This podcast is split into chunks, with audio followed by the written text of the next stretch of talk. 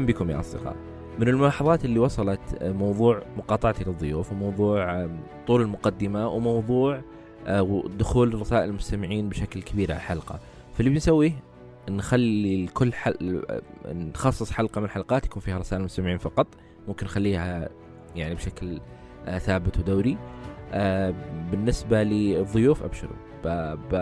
بخفف من سوالفي لأنه أحيانا مع الحماس كذا وحبي للضيف وللموضوع فأنساكم وانسى نفسي في في السوالف. وإذا في ضيوف حابين أن نرجع نستضيفهم مرة ثانية ما عندي مشكلة بحيث ان نسألهم الأسئلة اللي أنتم تبغون بمعنى في أسئلة كانوا بدكم تفهمونها بشكل أكبر ارسلوا لي ابشروا ما والضيوف كلهم أنا متأكد إن ما عندهم مشكلة في الظهور مرة ثانية والإجابة على كل أسئلتكم اللي أنتم تبغون. فالتعديلات هذه اللي بتصير الفترة القادمة أتمنى منكم أيضا ترسلوا لي ملاحظاتكم واقتراحاتكم على الشيء المقدم. اليوم في نهاية الموضوع أنا ما أعرف صراحة يعني أنا ماني بمذيع ولا مقدم ولا خبير في البودكاست. أنا أسمع منكم وأحاول أعدل وأطور حتى نوصل كذا لأرضية تناسبني وتناسبكم. آه راسلوني على البريد الإلكتروني hi at psycho dot com أو أنا موجود على تويتر أسامة بن جيفان أسامة E S T E فتواصلوا معي في أي وقت. آه وشكرا لكم. آه حلقتنا اليوم مع الدكتور ياسر الدباغ. آه الدكتور ياسر هو طبيب نفسي. آه أيضا آه هو استشاري طب نفسي أطفال ومراهقين. عنده تركيز بشكل أو بآخر على الاضطرابات النفسية العصبية والاضطرابات النمائية لدى الأطفال. آه، هو أيضا استشاري التحليل النفسي وباحث في العلوم العصبية ومدير برنامج تدريب في الطب النفسي آه، في المنطقة الشرقية وهو المدير التنفيذي لمركز الأبحاث في مستشفى الملك فهد التخصصي بالدمام. آه، فتناقشنا اليوم عن موضوع التحليل النفسي وغصنا في دهاليز التحليل النفسي ومفهومه وتاريخه وتطبيقاته العلاجية ودور دور المعالج أو دور المحلل والشخص المستفيد من التحليل. سمات الشخصية وارتباطها بتفاصيل مختلفة تأثير علاقة الأم بطفلها ودورها في العلاقات اللاحقة. فناقشنا هذه المواضيع مع الدكتور ياسر. كان الموضوع لطيف وشيق وأشكر للدكتور ياسر وجوده معنا في البودكاست. وأشكركم مقدما لاستماعكم لهذه الحلقة. الحلقة هذه بتكون غير عن الحلقات الثانية. في نهاية البودكاست راح تكون في خاتمة عكس الحلقات السابقة. شكرا لكم. أنا أسامة من جيفان وهذا وجدان.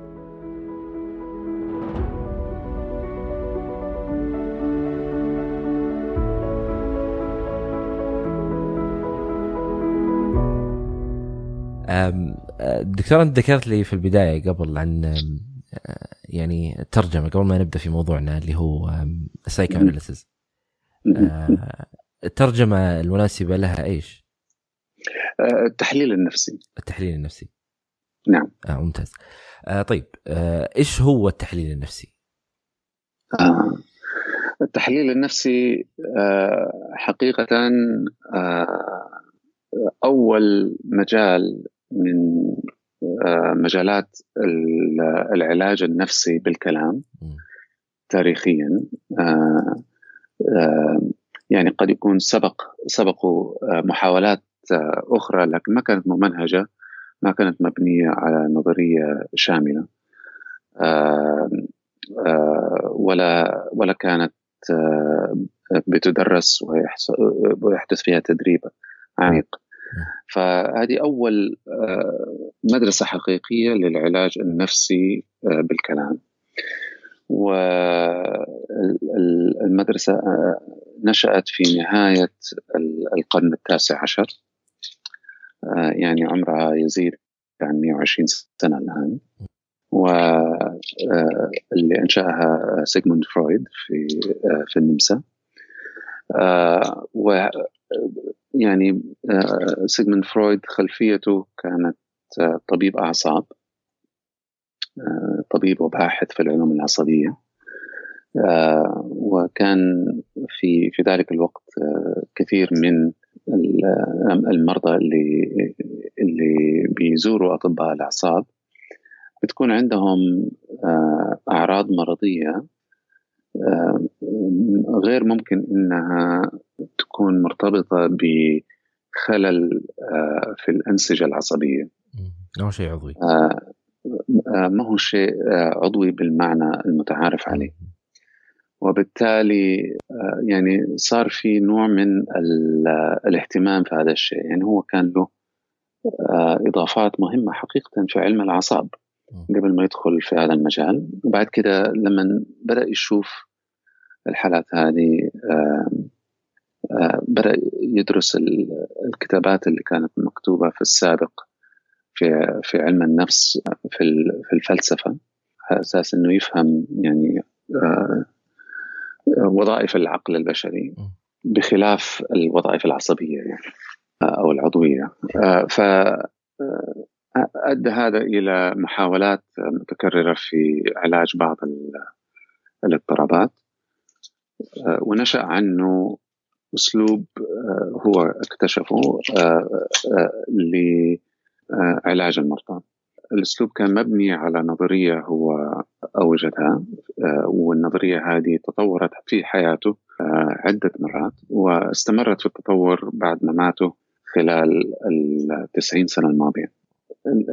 نظرية التحليل النفسي أو نظريات التحليل النفسي نظريات معنية بأنها تدرس آليات عمل العقل البشري من المنظور الذاتي. المقصود بكده بأنه كيف كيف تتم هذه العمليات من من خلال الخبرة الذاتية للفرد. خبراته السابقة؟ خبراته السابقة طبعا جزء من من خبراته. بس القصد بالخبرة الذاتية إنه هذا ما يدور في داخل عقل الفرد وليس بالضرورة ما يدور بشكل عضوي في الدماغ البشري. لتفسير هذه يعني, يعني لتفسير هذه الظواهر اللي تخرج لتفسير هذه الظواهر. الظواهر والعمليات العقلية يعني إحنا بنستخدم كلمة ذاتية لتعني بأنها خبرة داخلية عند الفرد خبرة نفسية. قد يكون قد تكون هذه الخبرة موعية بمعنى أنها تصل إلى إدراك الوعي أو قد تكون لا موعية. إحدى ال ال الإضافات الهامة جدا اللي أضافها فرويد في بداية تنظيره للتحليل النفسي كان إنه بدأ يصف اللاموعي بشكل دقيق ومقنن وأوجد طرق كلينيكية لتعين المعالج على دراسة اللاموعي عند المريض. ف يعني اللاموعي كمبدأ ما هو مسألة لم يسبق الحديث عنها قبل فرويد. لا يعني في تاريخ البشرية يعني من الأغريق القدامى كان معروف إنه في أمور تحدث في العقل البشري لا تصل إلى وعي الفرد. ولكن كانت مبهمة ويعني لم تكن محل دراسة. فاستطاع فرويد إنه يوجد طريقة لدراسة اللاموعي عند كل فرد خاضع للعلاج. و وبالتالي تمكن من يعني إيجاد توصيف لما يحدث في في اللاموعي. وبنى عليها النظريات التي طرحها. فمن جهة يعني التحليل النفسي معني بما يحدث في اللاموعي بقدر ما يمكن استنتاجه. وكذلك معني ب الأنماط الموجودة في العلاقات بين البشر. التحليل النفسي يدرس أنماط هذه العلاقات ويحاول إنه يفهمها. العلاقات بين الناس تقوم على أنماط تثبت مع مرور الزمن في في في تطور الإنسان. وتصبح هذه الأنماط جزء كبير من الحياة الذاتية للفرد وجزء هام جدا أو يعني سبب هام جدا الاضطرابات والمعاناة اللي بيمر بها الفرد في حياته.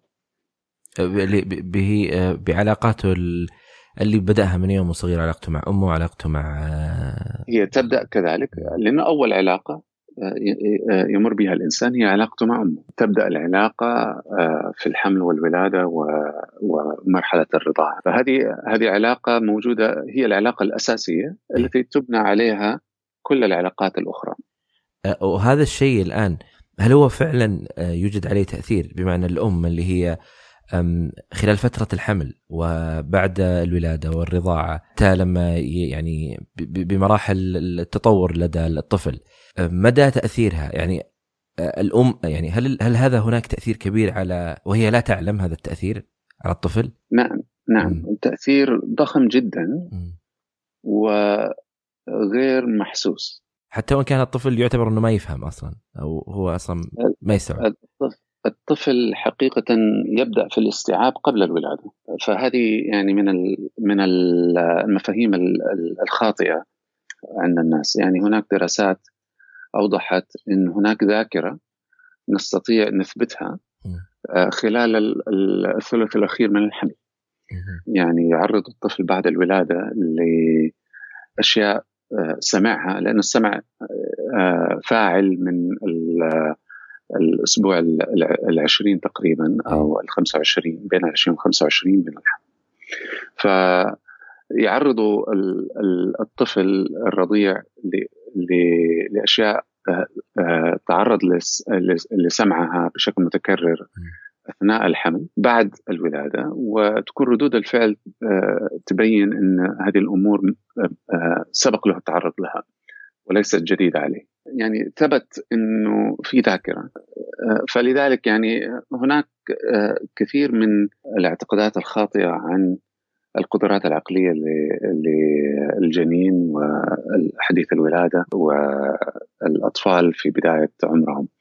لكن آه، نرجع لسؤالك عن تأثير آه، العلاقة مع الأم.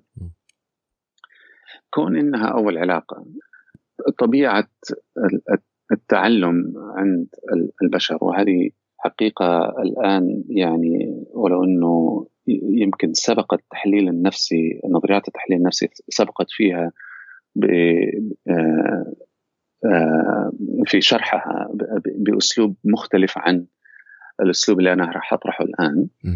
آه، لكن هذه الآن ثابتة في دراسات علم النفس التطوري والعلوم العصبية التطورية. أو العلوم علوم النفس النمائية والعلوم العصبية النمائية. الحقيقة المسألة ثابته هي إنه طريقة التعلم آه، تشمل تعلم آه، إجرائي أو ذاكرة إجرائية وكذلك آه، ذاكرة روائية. بمعنى إنه أنا الآن الكلام اللي أنا بتكلمه معك أنت قد تستطيع أنك تتذكره بعد فترة من الزمن. في صيغة رواية إنه آه، تحدثت مع ياسر الدباغ وياسر الدباغ قال الشيء الفلاني. لكن الذاكرة الإجرائية هي ما هي ذاكرة فيها محتوى روائي بهذا الشكل وإنما هي آه، إجراءات آه، عمليات يقوم بها الإنسان ويتعلم المهارة. يعني تقدر تسميها مهارات. فالطفل مثلا يتعلم كيف يكون ابن لأم كيف آه، آه، يكون أخ كيف كيف تكون أخت. آه، يتعلم كيف يتكلم يتعلم كيف يجلس كيف يوقف كيف يمشي كيف يمسك يعني. هذه ذاكرة إجرائية. كل الذاكرة الإجرائية تسيطر على عملية التعليم. خلال عمر الإنسان كله ولكن بشكل خاص جدا في السنين الأولى من العمر آه، لدرجة إنها يعني هي هي تقريبا الذاكرة الأساسية في السنتين إلى الخمس سنين الأولى من عمر الإنسان. فهنا كل ما يتعلق بالعلاقة مع الآخر يتم حفظه في الذاكرة الإجرائية. كيف أنا أنفعل للآخر وكيف ينفعل الآخر لي؟ كيف تكون ردود كيف أتعامل مع مواقف معينة مع الآخر؟ كيف أتعامل مع المشاعر المعبر عنها؟ إيش ممكن أتوقع ردود فعل؟ وهكذا. فتتكون الأنماط في العلاقة بين الطفل وأمه كأول فئة من أنماط العلاقة مع الآخر. عند الطفل. يتم التعليم كذلك بشكل تراكمي بمعنى إنه أنت تخيل إنه آه أنت بتبني عمارة يعني عشان الواحد يعطي تشبيه في درجة عالية من التبسيط. آه إنك بتبني عمارة أنت في البداية حتعمل الأساسات وحتبني عليها دور أرضي. هذه العلاقه مع الأم. الأساس. نعم. إيه؟ كل ما يمكن أن يبنى فوق هذا الأساس والدور الأرضي. حيكون متأثر بطبيعة الأساس وطبيعة الدور يعني من الصعب جدا إنه يكون مختلف اختلاف جذري عن الأساس هذا. فلذلك حيكون للعلاقة مع الأم أثر جوهري على كل العلاقات اللاحقة. يعني لو نأخذها بطريقة أخرى. أنت الآن يعني بتتعلم لغة الأم.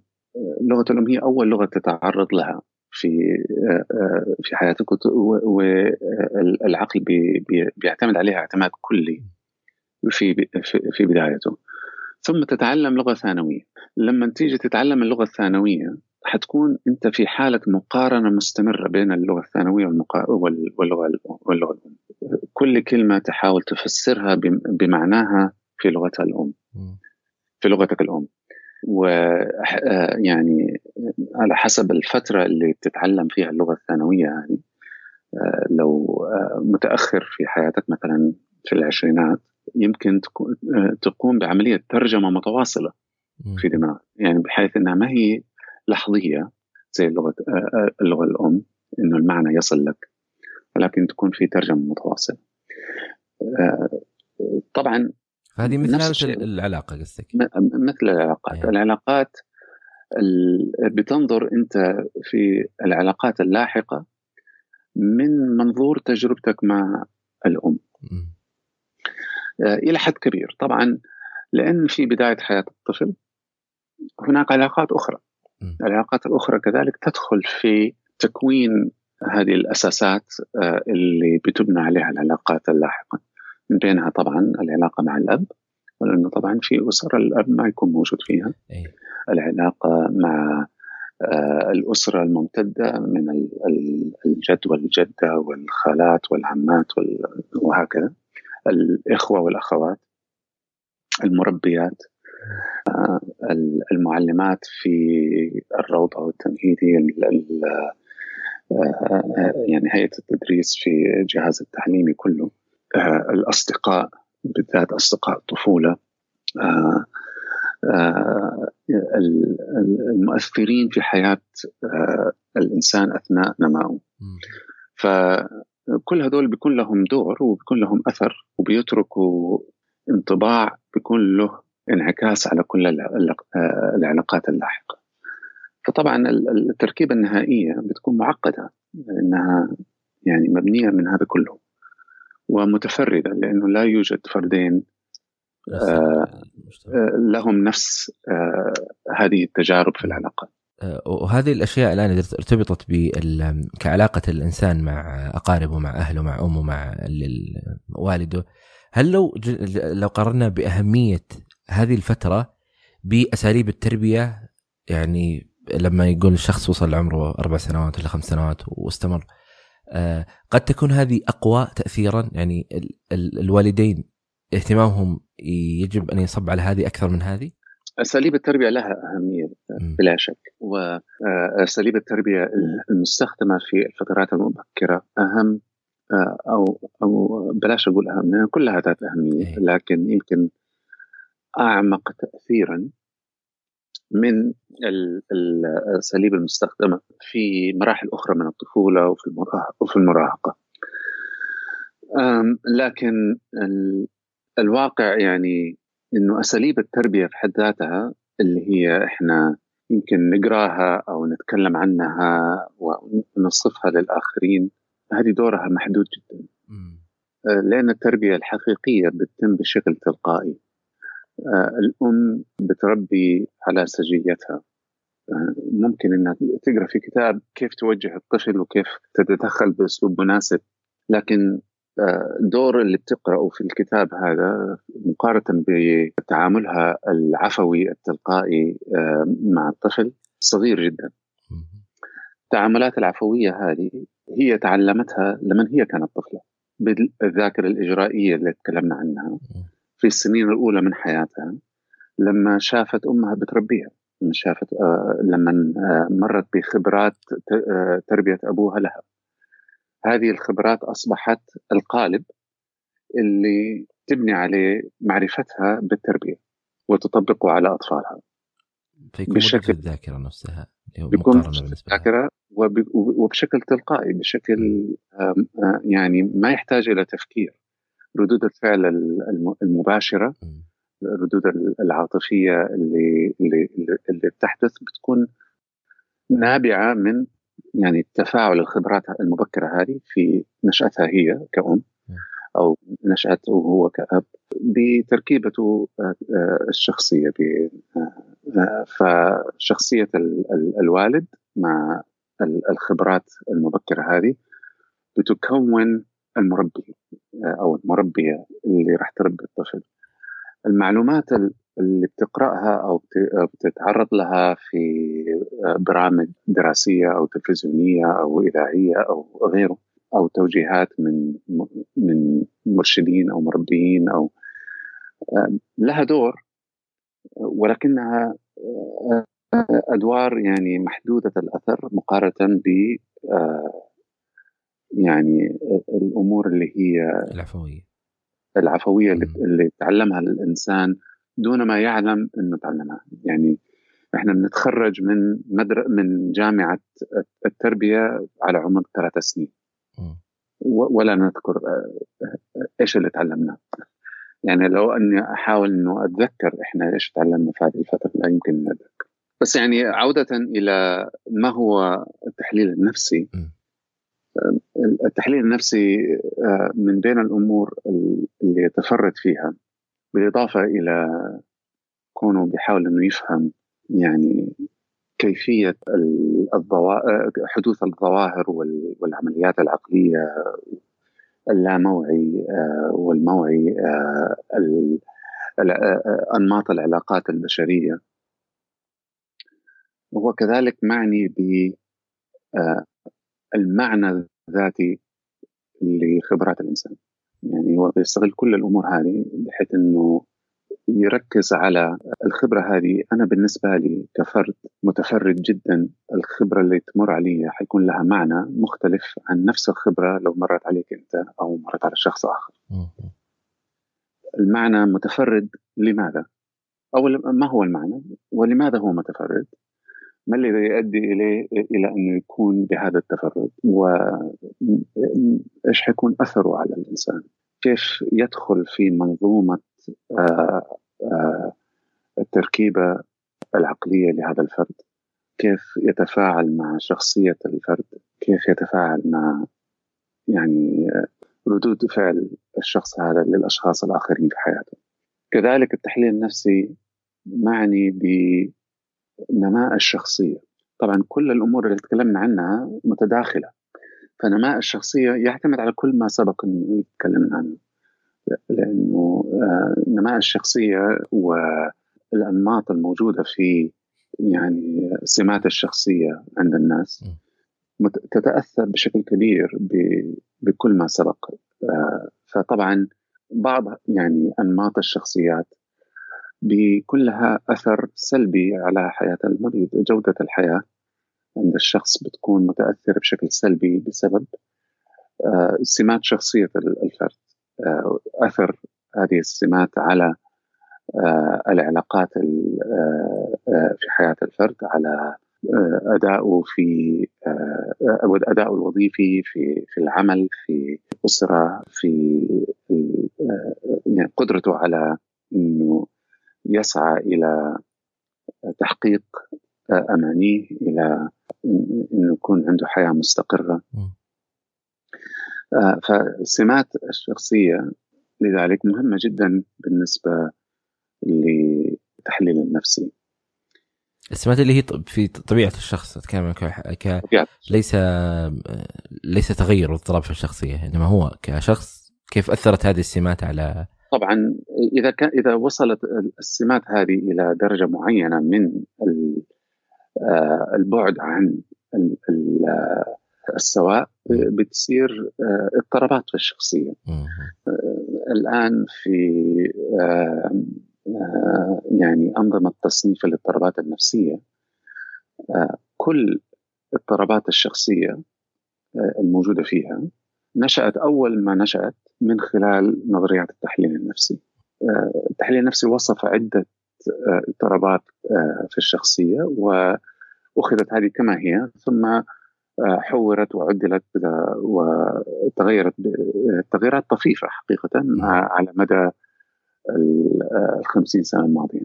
بس كيف ينظر لها التحليل النفسي من هنا؟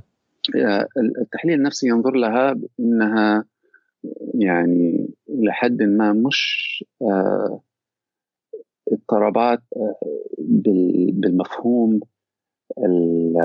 المتعارف عليه مثلا في الدليل الإحصائي للاضطرابات النفسية اللي هو ال DSM 5 بقدر ما هو يعني continuum بالإنجليزي ما أعرف بالعربي مدى من السواء إلى الاضطراب الكامل.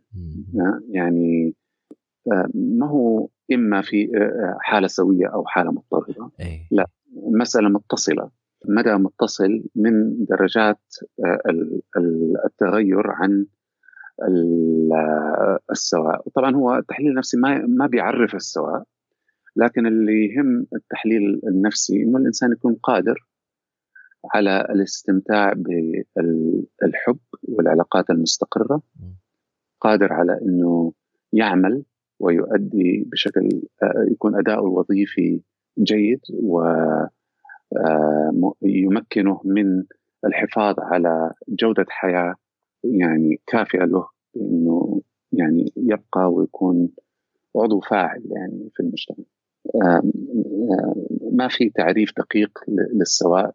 لكن هذه الأهداف اللي اللي يسعى التحليل النفسي لتحقيقها عند الفرد. وهي ما هي يعني هي ما هي مثل ما هي ما هي checklist إنه إذا تمت هذه الأشياء فيك فأنت غير سوي أو إذا ما كانت موجودة فيك أنت سوي تماما. لا لا ما فيها checklist اطلاقا. وكل فرد بيقيم بشكل منفصل تماما. عن آه، كل فرد آخر. المبادئ اللي موجود اللي اللي نشأت منها معايير التشخيص الحالية آه، يعني جاءت من نظريات التحليل النفسي. تسجيل هذه الأشياء الآن بما أن مثلا الان ك ك كطفل صغير أو كشخص في حياته العلميه المشاعر اللي كطفل ورضيع يشوف تعابير وجه أمه تعابير وجه والده أو أن بعض التجارب اللي يكون فيها نوع من أنواع الفقد إنه الطفل يجلس في مكان لوحده ثم أمه تطلع ويجي تري مربيه وجه شخص ثاني آه، تتعامل معه وكيف تاثيرها على هذه الأشياء. هل هذه مسجلة عند الطفل؟ هي مسجلة. آه يعني سواء بنتكلم عن آه علوم العلوم العصبية النمائية أو علم النفس النمائي أو التحليل النفسي. كلهم مجمعين على إنه لا توجد خبرة لا تسجل. طالما مرت عليك الخبرة فهي فهي مسجلة. ممكن الإنسان يفقد بعض التسجيلات هذه من الذاكرة. آه، في الاضطرابات اللي بتصيب الدماغ لاحقا بمعنى إصابات في الدماغ أو الخرف اللي بيحدث في الشيخوخة مثل آه، اضطراب الزهايمر. وغيرها. لكن بشكل آه، عام إذا كان الأمور ماشية بشكل طبيعي آه، كل الخبرات تسجل ولكن كيفية تسجيلها بتختلف. فإذا إذا سجلت الخبرات بشكل إجرائي بحت بدون جزئية روائية فلن تستطيع إنك أنت تستعيدها وتروي لي هي لأنها غير موجودة بهذا آه، بهذه الصيغة في الذاكرة هي موجودة بشكل إجراء بمعنى أنت تجدها مطبقة في سلوكك. تجدها في آه، تعاملك مع الآخرين في انفعالك لخبراتك. آه لكن لا تستطيع لا تستطيع ان تصفها. الذاكرة الروائية ضعيفة جدا جدا جدا تحت سن خمس سنين. بمعنى إنه خلال الفترة هذه يعني الطفل اللي عمره خمس سنين ممكن إنه يتذكر آه، أمور حصلت خلال الأيام القليلة السابقة. لكن طفل عمره ست سنين آه، غالبا ما راح يتذكر أمور حصلت آه، وهو عمره ثلاث سنين. تبدأ الذاكرة الروائية تجير للذاكرة الإجرائية بالتدريج بحيث إنه استعادتها صعب جدا للخبرات اللي حصلت في السنين الأولى من العمر. فهذه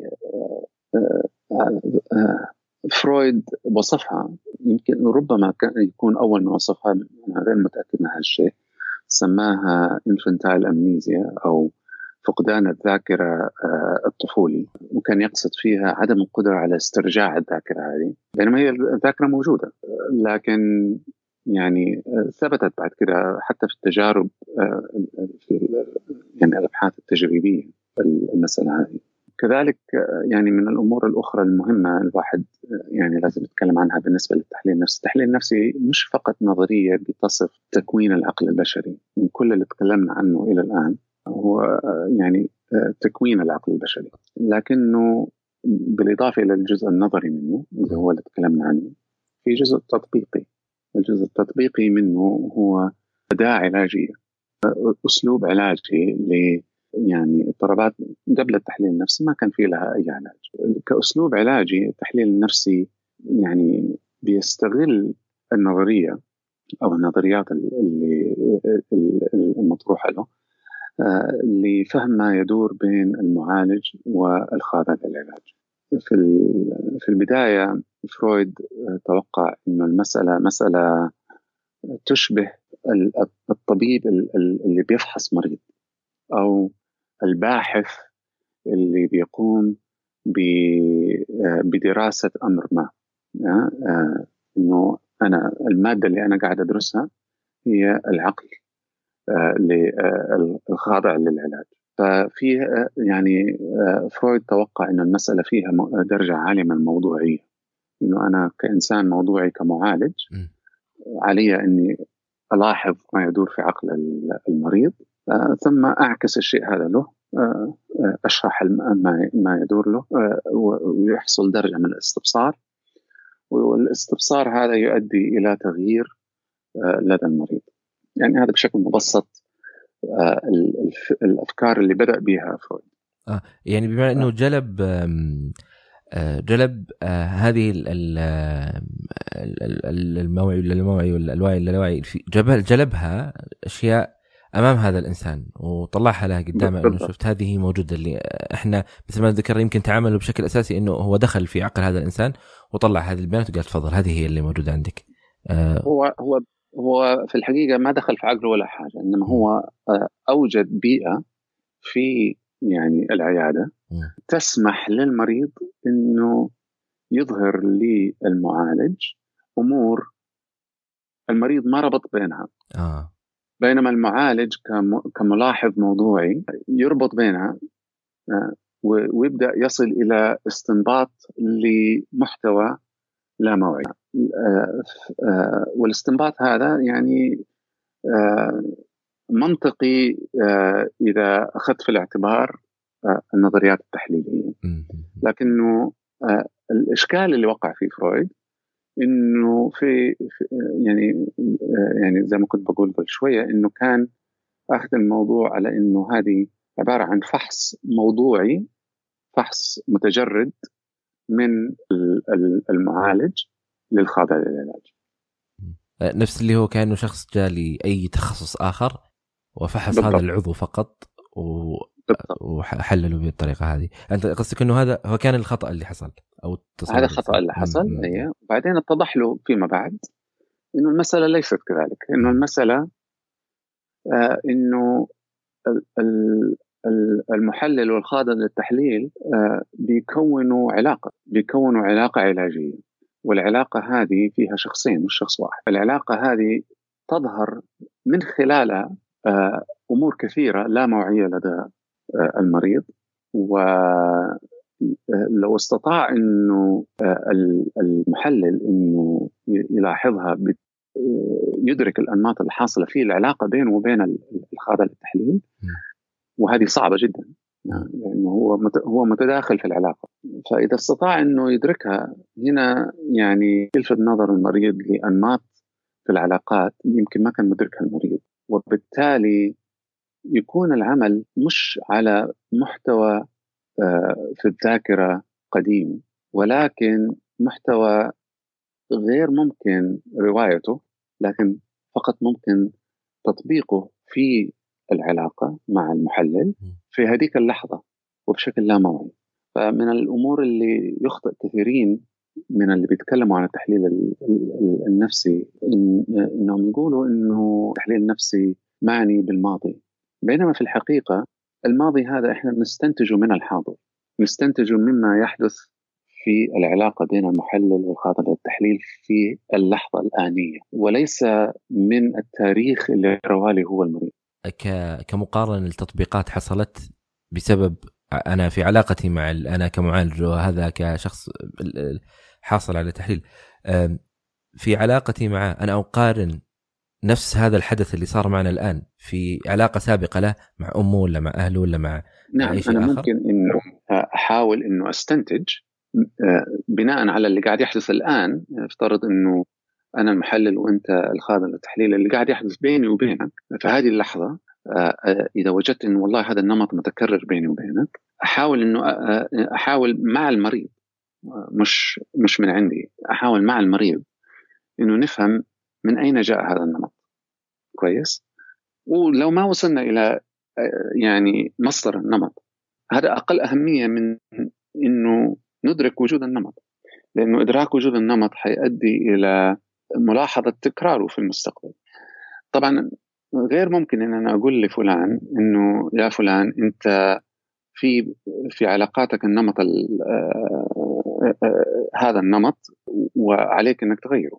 لأنها مسألة نظرية مش محسوسة في هذيك اللحظة بالنسبة للشخص وقد لا يصدق. لكن عندما يدرك في لحظة حدوث النمط إنه هذا الشيء قاعد يتكرر في هذه العلاقة الآن الإدراك هنا على مستوى مختلف عن المستوى المعرفي الذهني البحت إدراك على مستوى عاطفي على مستوى علاقات آه، على مستوى وجداني عميق وبيحول ذاكرة إجرائية إلى ذاكرة إجرائية لها محتوى روائي. ممكن إنه نتعامل معه بالكلام. يكون عنده الإبصار أكثر وأفضل بمعرفته بالنمط هذا. إذا جينا حتى لو أصلا الشخص إذا ركب السيارة آه، في عنده آه، خطوات يسويها وهو صحيح. ما يشعر فيها. اللي هو شغل السيارة يحطه على ال P ولا ال D ولا ايا كان هو ما يعرف أصلا. لو تسال يقول لك أنا ما أدري متى سويت الحركة. لكن في وقت آه، مستقبل راح يبدأ يركز في هذه التصرف اللي هذا النمط اللي هو يسويه كل يوم أصلا هو لا يعرف إنه كيف يسوي. يعني لو تشرح له عطني الخطوات اللي أنت يمكن ما يعرف. أصلا كيف تسألني هذا السؤال؟ لأنه هو أوتوماتيك قاعد يشتغل. هو هو بالضبط كذا فلهذا يعني التحليل النفسي على عكس ما الناس تتوقع ليس فقط معني بالماضي هو معني بكل خبرات الشخص من الماضي للحاضر للمستقبل. للحظة الآنية. وحقيقة أكثر ما يتم العمل عليه هو اللحظة الآنية وليس الماضي. آه النقطة اللي اللي كذلك مهمة بالنسبة لتط... يعني الجزء التطبيقي للتحليل النفسي هو إنه كون إنه بدأ يدرس العلاقة بين المحلل والخادم التحليل فهو طبعا هذا الشيء يعني تم التوسع فيه أكثر بكثير بعد فرويد من أيام فرويد. هو دور المحلل في الموضوع. يعني آه، هناك ظاهرتين مهمة جدا آه، في فهم ما ما يدور في الجلسة العلاجية. ظاهرة الإنقال أو التحويل وهذه معناها إنه أنا كخاضع للتحليل أنفعل آه، آه، للمحلل تجاه المحلل بطريقة في هذه اللحظة تشبه انفعالي تجاه والدي أو والدتي في موقف مشابه أو شفت كيف؟ فأنا هنا شعوري ناحية المحلل ما هي شعوري ناحية المحلل الفلاني لكن شعوري ناحية والدتي نقلته أيه. إلى المحلل وهذا المبني على الكلام اللي قلت لك إياه في البداية إنه العلاقات المبكرة لها تأثير متجذر آه، ويأثر على كل العلاقات اللاحقة. خبرتي آه، بعلاقتي مع المحلل في هذه اللحظة مرت من خلال آه، المنظور الناشئ من خبرتي مع والدتي. فهذا هنا أنا نقلت نقلت على المحلل مشاعر كان ممكن إني أشعر بها تجاه والدتي. هذه فرويد تكلم عنها كثير وكانت يعني مسألة محورية جدا في آه، المهارات التطبيقية للتحليل. آه، من الأمور اللي تكلم عنها فرويد قليلا لكن بعد كده حصل فيها توسع كبير جدا الظاهره المعاكسة لهذه اللي هو الإنقال المقابل. الإنقال المقابل هو إنه المحلل بيكون له انفعالات تجاه الخاضع للتحليل بمعنى إنه المريض قال شيء أو آه، عمل شيء وأنا كمحلل أدركت إنه في داخلي شعور معين وردود فعل معينة وأفكار معينة. هذه ما بيدور في في داخلي الخبرات الذاتية في هذه اللحظة غير منفصلة عن المريض لكنها كذلك غير منفصلة عني أنا وعن خبراتي أنا السابقة. فهي عبارة عن خليط من آه، مصادر التأثير. إذا استطعت إني أفهمها بشكل جيد قد أستطيع إني أفهم أمور آه، عند المريض وأمور قاعدة تدور في العلاقة العلاجية لم يكن ممكنا إني أفهمها دون أن أستبصر بمعنى ما يدور بداخلي أنا كمحلل. فاصبح الإنقال المقابل هذا آه، أو الإنقال المضاد باختلاف التراجم من آه، من المحاور الأساسية في التحليل. طبعا أنا كمحلل مو شرط إني يعني أبوح بما يدور في في في خلدي عن آه، للمريض لكن لابد إني آخذ كل كل هذه المعلومات المعلومات اللي اللي هي محتوى الكلمات عند المريض آه، وأفعال المريض المعلومات التاريخية وتاريخ الجلسة الحالية والجلسات السابقة المعلومات اللي آه، ناتجة عن تطور آه، العلاقة العلاجية المعلومات اللي بتدور في اللي بتصل إلى ادراكي عن عن ما يدور في داخلي من ذكريات وأفكار ومشاعر وخبراتي أنا السابقة. وأحاول إنه أستخدم كل مصادر المعلومات هذه لكي آه، أصل آه، مع المريض إلى فهم أعمق لما يدور بيني وبينه وفهم أعمق لدور الأمور هذه في تكوينه هو كشخص وتأثيرها على حياته فلذلك هي هي حقيقة عملية في غاية التعقيد آه، وبعيدة تماما عن معظم ما ما يحدث في أنواع العلاج النفسي الأخرى.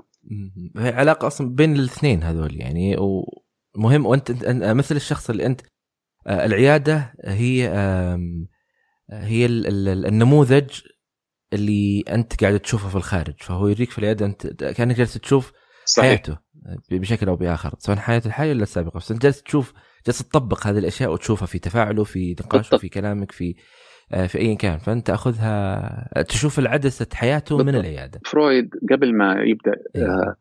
يتكلم آه، عن الانقال المقابل وصف المسألة هذه إنه المحلل آه، عبارة عن شاشة بيضاء المريض بيعمل عليها إسقاط لكل ما بداخله. فهذا الوصف طبعا غير دقيق الآن لكنه ما زال في غاية الأهمية.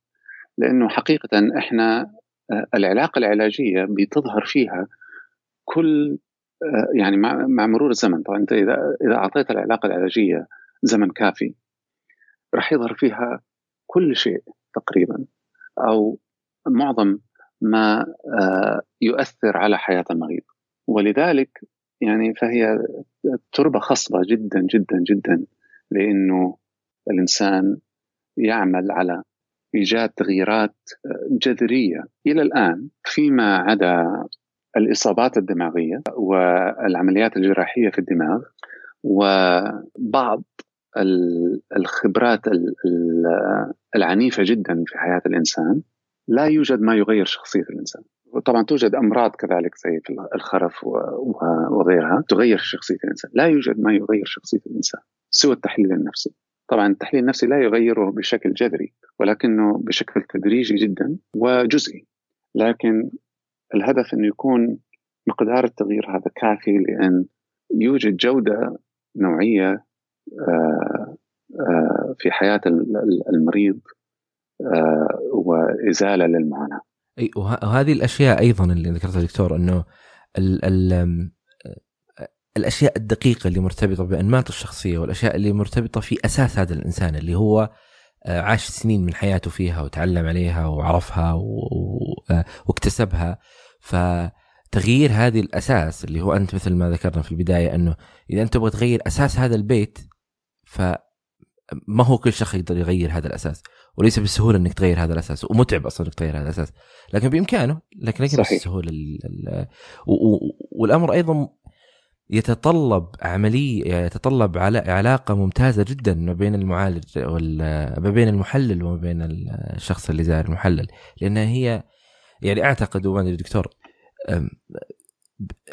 أهمية العلاقة وقوتها تؤثر بشكل كبير على على علاج الإنسان.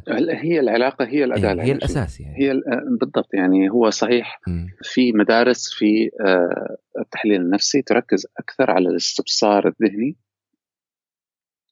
وإلى حد ما الاستبصار الوجداني آه، لكن آه، المدارس الأحدث في التحليل النفسي آه، تركيزها أكثر على طبيعة العلاقة العلاجية.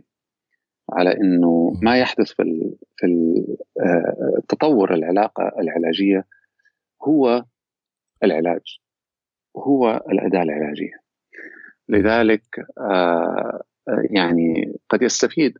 طبعا هناك بعض المشاكل آه، النفسية والاضطرابات اللي تستفيد بشكل آه، نوعا ما سريع من الاستبصار اللي هو على المستوى الذهني أو على المستوى الوجداني. آه، دون ما يعني حاجة لتغييرات جذرية في أنماط تكوين العلاقات وهو ما يحدث في العلاقة العلاجية الممتدة لفترة طويلة. لذلك هناك أنواع من العلاج النفسي المشتقة من آه، النظريات التحليلية قصيرة الأمد، لكن آه، التحليل النفسي آه، وهو الأساس أو المصدر الأساسي طويل الأمد. طويل الأمد وعميق جدا.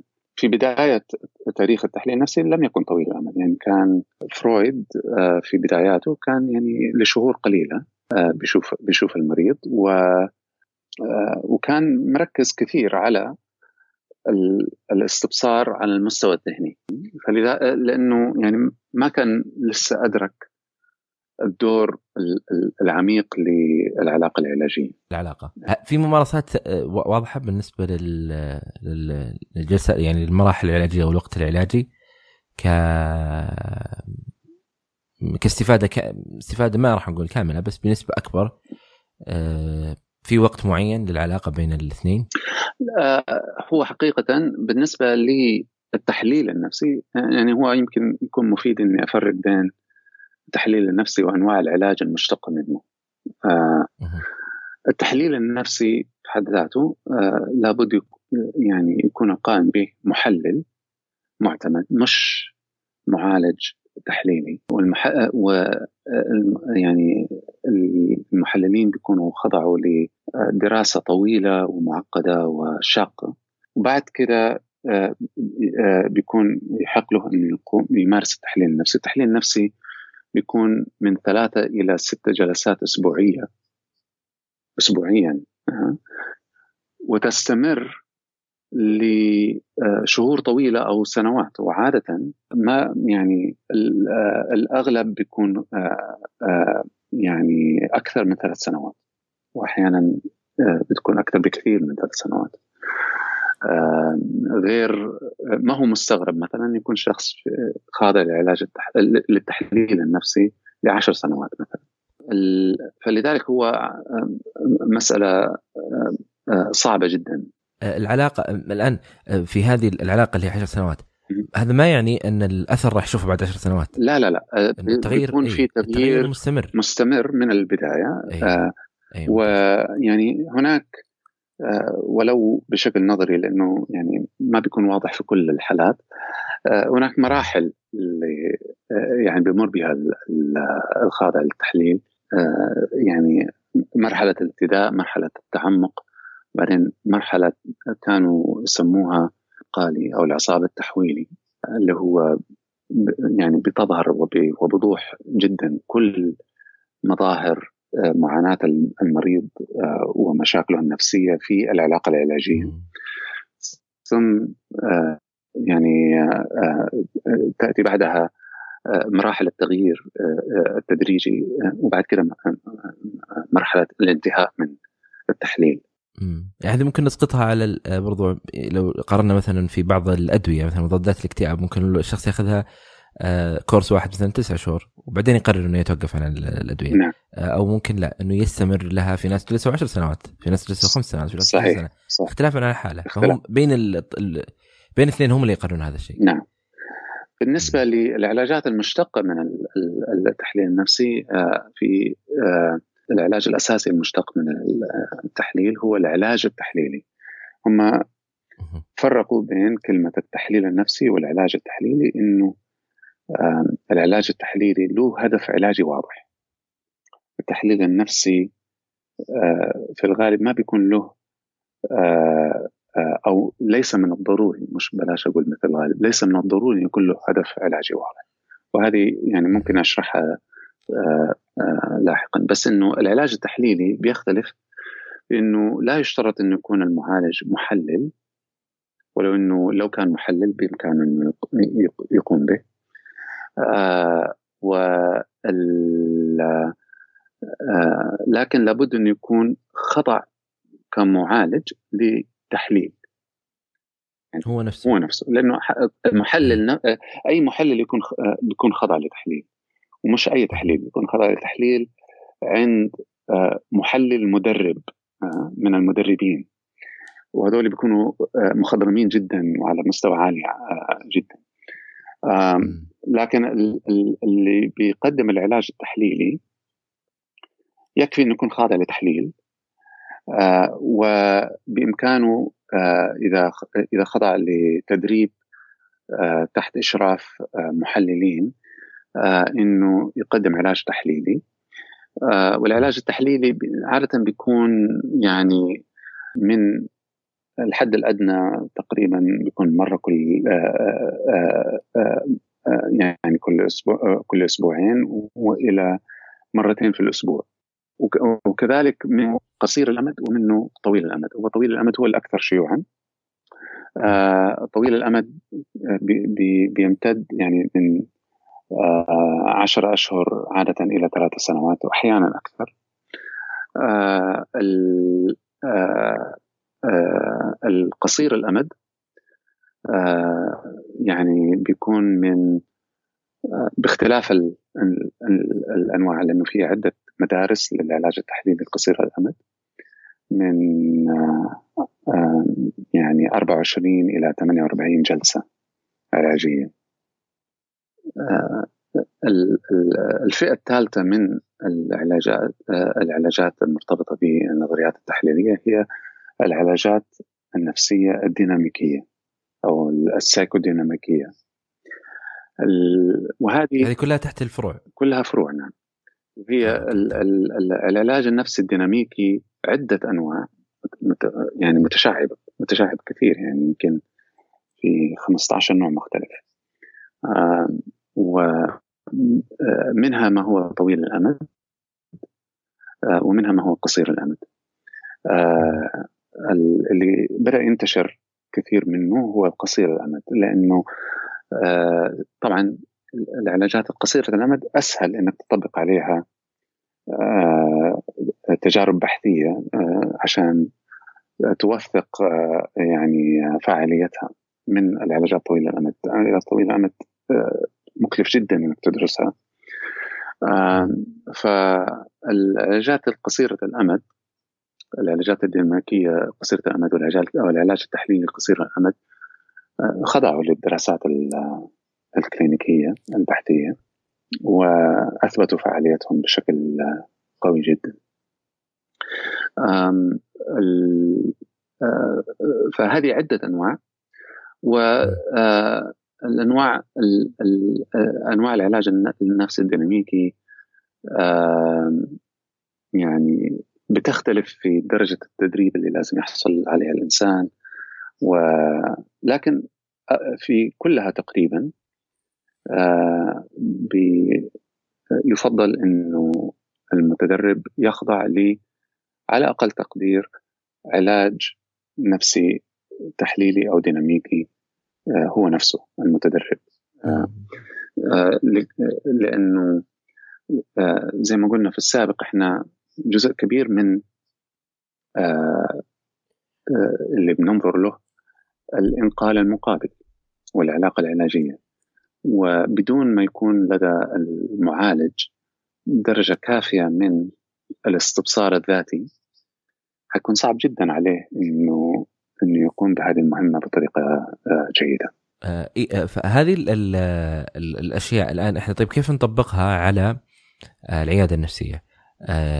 هل التحليل النفسي يركز على أنواع معينة من الاضطرابات أو إذا كنا مثل ما ذكرت اللي يكون قصير المدى أو حتى طويل المدى يمكن في إذا كانت هي للطويله لأن أنت أصلا ممكن ما تركز على اضطراب واحد بقدر ما تأخذ أشياء مختلفة لكن كأشخاص مصابين باضطرابات معينة كيف ممكن يفيدهم التحليل النفسي؟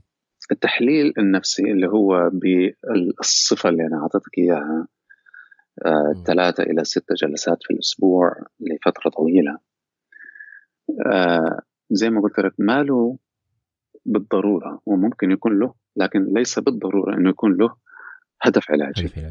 بمعنى أنه الإنسان هنا معني بأنه يحاول يفهم نفسه يحاول أنه آه، يعرف مغزى حياته.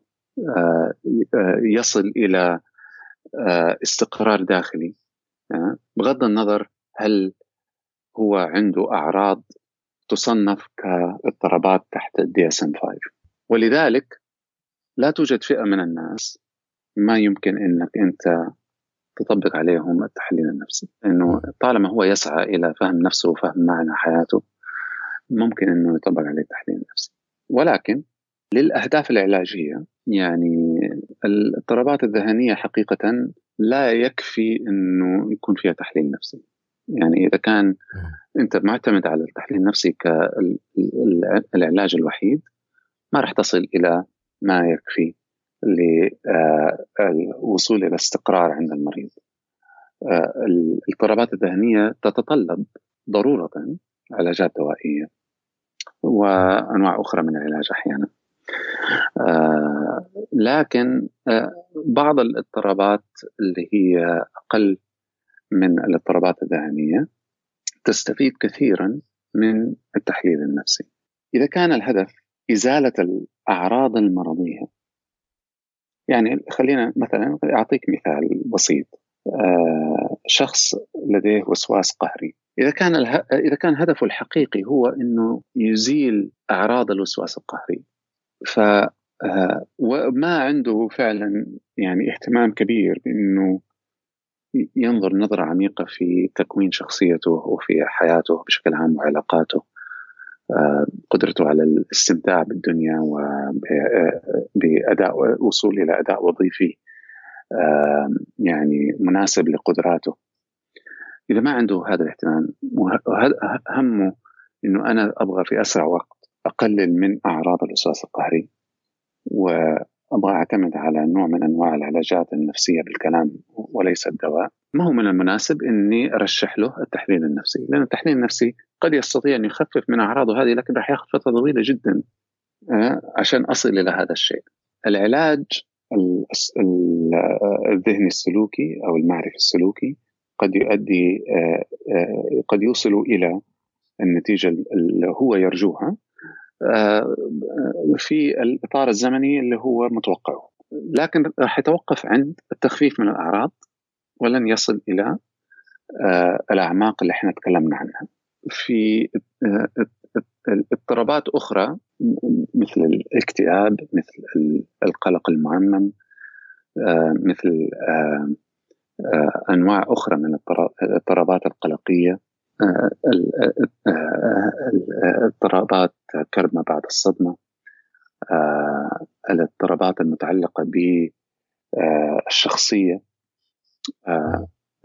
كل الاضطرابات الأخرى هذه بيختلط فيها عادة الاهتمام بالعرض والاهتمام بمصادر العرض والعمق وهنا بتجد إنه معظم أنواع العلاج النفسي لها كفاءة متقاربة من بعض شبيهة ببعض سواء هي في علاجات مشتقة من العلاج التحليلي لكن علاجات قصيرة الأمد زي العلاج التحليلي قصير الأمد العلاج السايكوديناميكي قصير الأمد أو علاج ذهني سلوكي أو علاج سلوكي بحت أو علاج بين شخصي. كل الانواع أنواع العلاج النفسي في الدراسات بتؤدي إلى نتائج متقاربة. بالنسبة للتخفيف من الأعراض بتحدث بينهم اختلافات في ثبات النتائج العلاجية بعد انتهاء العلاج بفترة طويلة. وكذلك هناك اختلافات في الفاعلية متعلقة بشدة المرض بمعنى إنه آه، كلما ازدادت شدة المرض وامتناع المرض من الاستجابة للعلاج آه، كلما زادت فاعلية آه، العلاج التحليلي مقارنة بالعلاجات الأخرى. فلذلك آه، يعني هناك دراسات آه، رصينة وجدت إنه المرضى اللي لم يستجيبوا يعني خضعوا للعلاجات قصيرة الأمد ولم يستجيبوا آه، العلاج الأمثل لهم كخطوة ثانية ثانية هو العلاج التحليلي. آه، وهذا بالذات في الاكتئاب لأنه طبعا الاكتئاب يؤدي إلى آه، يعني هبوط كبير في جودة الحياة وفي الأداء الوظيفي خاصة إنه يكون ممتنع عن الاستجابة للعلاج. فلذلك هو أكثر اضطراب درس من هذه من هذه الناحية. فيكون هو خيار له آخر بعد إذا وصل لاكتئاب المقاومة. نعم. طبعا هو نعم. العلاج التحليلي أطول وأغلى. آه، فلذلك يعني آه، يمكن ما يكون هو الأنسب للجميع آه، ولكن يعني هذه الأمور في النهاية إحنا يعني بنسعى إلى أنه نصل بالمريض إلى بر الأمان. النظريات التحليلية لها تأثير ليس فقط على يعني من ناحية تطبيقها ك آه، كأنواع من العلاج ولكن لها آه، أثر على أي ممارس آه، نفسي سواء طبيب أو أخصائي نفسي. من ناحية فهم ما يدور بينه وبين المريض سواء هو قاعد يطبق علاج أو لا. يعني هناك الآن مواد دراسية آه، وكتب ومراجع آه، تكتب في سيكوديناميكية آه، العلاج الدوائي. لأنه العلاقة بين المريض والطبيب هي علاقة بين شخصين وبالتالي راح تتأثر بكل ما تتأثر به العلاقات البشرية. وكون انه الطبيب بي بي بيعالج المريض وبيوصف له دواء. يعني لن يعطيه مناعة من التأثر بهذا الشيء. ولذلك مثلا وجدوا إنه طبيعة العلاقة العلاجية بين المريض والطبيب حتى الطبيب العام ما بتكلم فقط عن الطبيب النفسي آه، في كل التخصصات العلاقة بين المريض والطبيب تؤثر في نتيجة العلاج. آه، هناك دراسات آه، الآن أصبحت مشهورة جدا.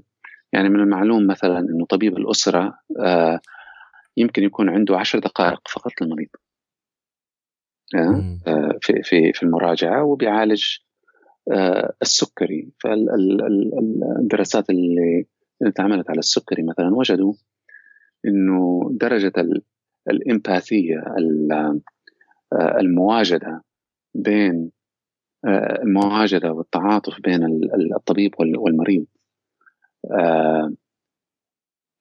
كلما زادت كل ما تحسنت نتيجة العلاج عند المريض. كل ما التحكم في السكري هو نفس الدواء نفس الدواء. التحكم في السكري بيتحسن عند المريض بسبب الحكاية يعني. كذلك يعني بدأوا الناس آه، ينظروا للنظريه التحليلية آه، أو النظريات التحليلية في محاولة فهم ظاهرة البلاسيبو. يعني ظاهرة البلاسيبو اللي هي العلاج آه، يعني في في الدراسات المخبرية اللي بنقوم فيها آه، دراسات البحث السريرية اللي بنقوم فيها بتوزيع آه، المرضى بين فئتين فئة آه، يعني تاخذ الدواء وفئه تاخذ حبوب وهمية. وذلك لقياس الفرق اللي بيحدثه الدواء الحقيقي. دائما بيكون في مفعول علاجي وهمي. المفعول العلاجي الوهمي هذا حقيقة من بين العوامل اللي بتدخل فيه دور العلاقة بين المعالج والمريض. النظريات التحليلية كذلك بتستخدم في فهم أمور خارج إطار العملية العلاجية سواء في علم النفس أو في الطب النفسي أو في الطب بشكل عام. آه وبتبدأ تدرس آه الظواهر الحادثة في المجتمع آه وفي آه، المجموعة آه، يعني المجموعة الصغيرة المجتمع الأكبر الدولة بين الدول.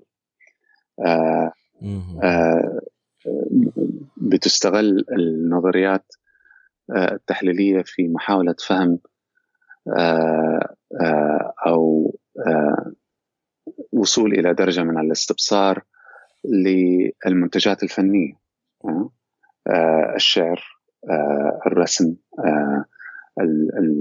الفنون التمثيلية المسرحيات الأفلام.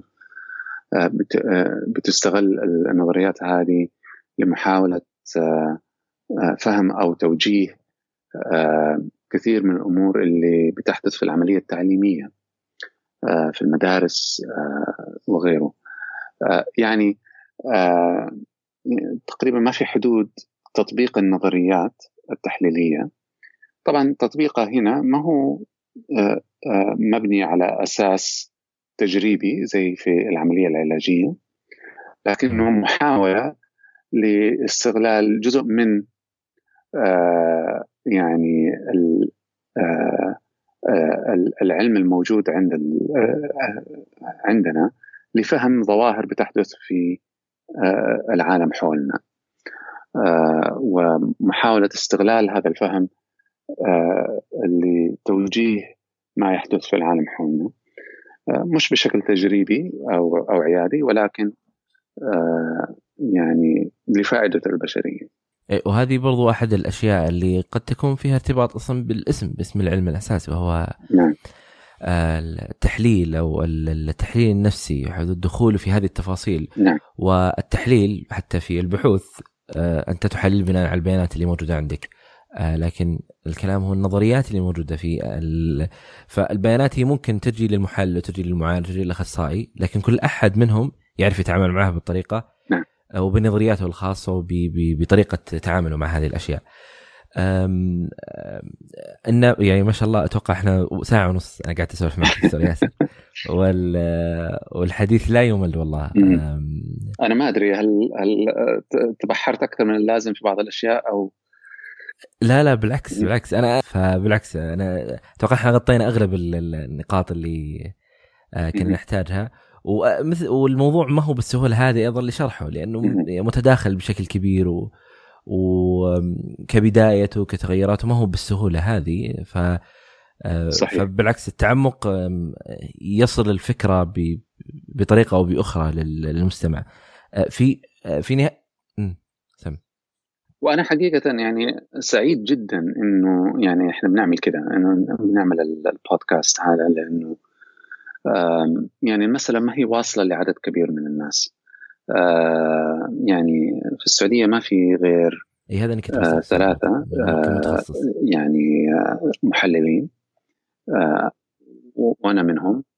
أيوه وطبعا في آه عدد لا بأس به يعني يمكن 10 أو 15 حصلوا على تدريب في العلاج التحليلي. طبعا هذا درجة أقل آه، من التحليل نفسه. آه،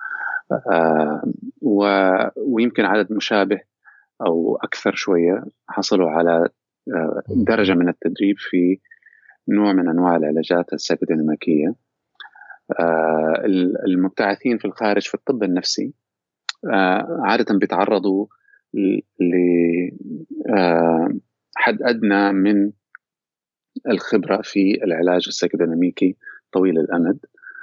آه، آه، بس يمكن ما يكون كافي لأنهم يمارسوه بشكل أساسي آه، بعد عودتهم من من الابتعاث ولو إنه بعضهم بيمارسوا. فالفكرة إنه انتشار هذه الفئة من العلاجات النفسية ضئيل جدا. جزء من الإشكال إنه صعب دراسته. دراسته صعبة ومضنية وطويلة. آه، لكنه آه، يعني منتشر كثير في, في الغرب آه، بشكل واسع جدا. وهذا بيضعنا في في يعني في في موقف ضعيف بالمقارنة مع الدول المتقدمة. والناس بتفتقده لأن الناس فعلا أنا أشعر كممارس على أرض الواقع إن في آه، حاجة عميقة في جوع في تعطش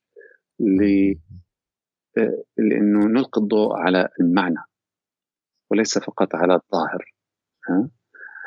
آه والناس أتصور إنه لو انتشر إنه حيكون له آه أثر جيد إن شاء الله في المجتمع. والشيء برضو اللي يعني آه، يهمني مثلا يعني يجعل التحليل النفسي شيء آه، مختلف عن غيره وسبب إنه التفاصيل الدقيقة هذه بالمعنى وجودة الحياة والحياة اليومية يعني هو قد ما ينظر للإنسان كاضطراب ثابت بقدر ما هو ينظر له كإنسان في تجاربه في حياته في يعني آه، شيء متكامل هو ليس شيء واحد ليس هو عنده اضطراب يتعالج وما عنده اضطراب خلاص يكمل حياته كما هو فهذا اللي صحيح.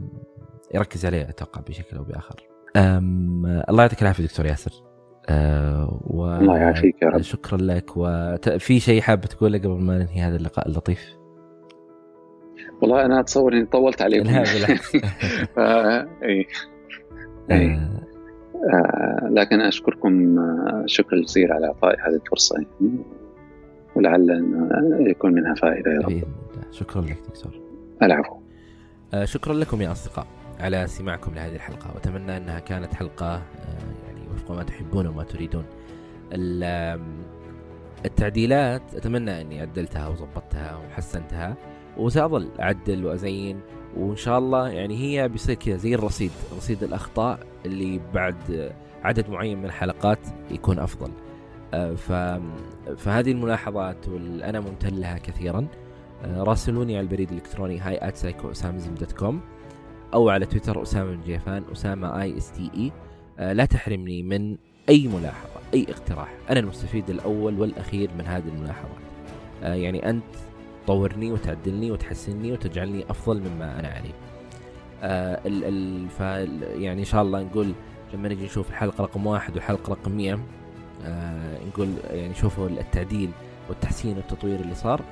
والفضل يعود لكم يا المستمعين لأنكم أنتم اللي ساعدتوني أتطور وأتحسن. إذا عندك اقتراح أو ملاحظة لضيف اقتراح لضيف أو حتى ملاحظة غير مرتبطة بالضيوف عندك اقتراح لموضوع معين تبغى تشارك معي في البودكاست راسل لي أتمنى يعني ذلك. فل فل فما تعرف من يسمع قصتك ولا تعرف من يسمع تجربتك ويستفيد من هذه التجربة آه لا تنسوا تقييم البودكاست على آيتونز آه فتقييمكم يساعدنا في آه نشر الحلقات ونصل لأكبر عدد من المستمعين. شكرا لكم جزيلا وألقاكم في حلقة قادمة بإذن الله. أنا أسامة الجيفان وهذا.